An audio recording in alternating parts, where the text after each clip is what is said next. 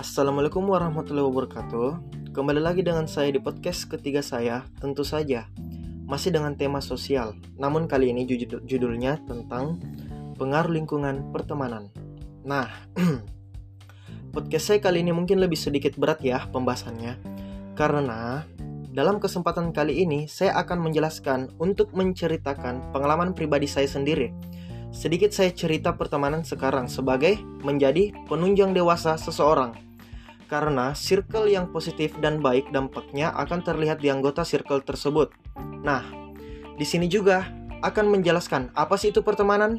Nah, definisi pertemanan sendiri menurut Widianti dalam Rosa 2012 adalah hubungan emosional antara manusia atau lebih dari sejenis maupun tidak sejenis. Nah, hubungan ini didasari dari saling pengertian, menghargai, dan mempercayai satu sama lain.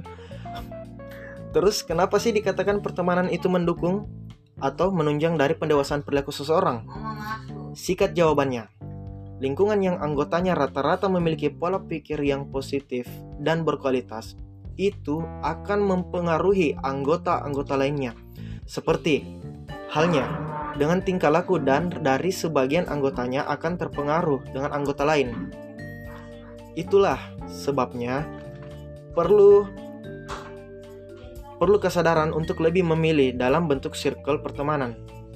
Sebaiknya, menurut saya, kita perlu memilih circle pertemanan produktif serta teman-teman yang memiliki peran andil di masa depan kita akan datang.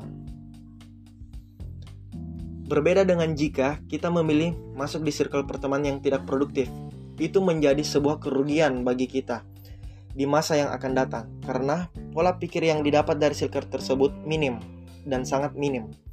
Circle yang baik juga selain mem memberi dampak positif untuk kita pribadi, ini juga berpengaruh pada sosial. Sosial kita apalagi di pendidikan kita sendiri. Dengan berkumpul bersama teman-teman, kita bisa saling bertukar pikiran, saling menceritakan masalah hidup maupun masalah percintaan. Apa pun bisa diceritakan sama teman-teman tongkrongan.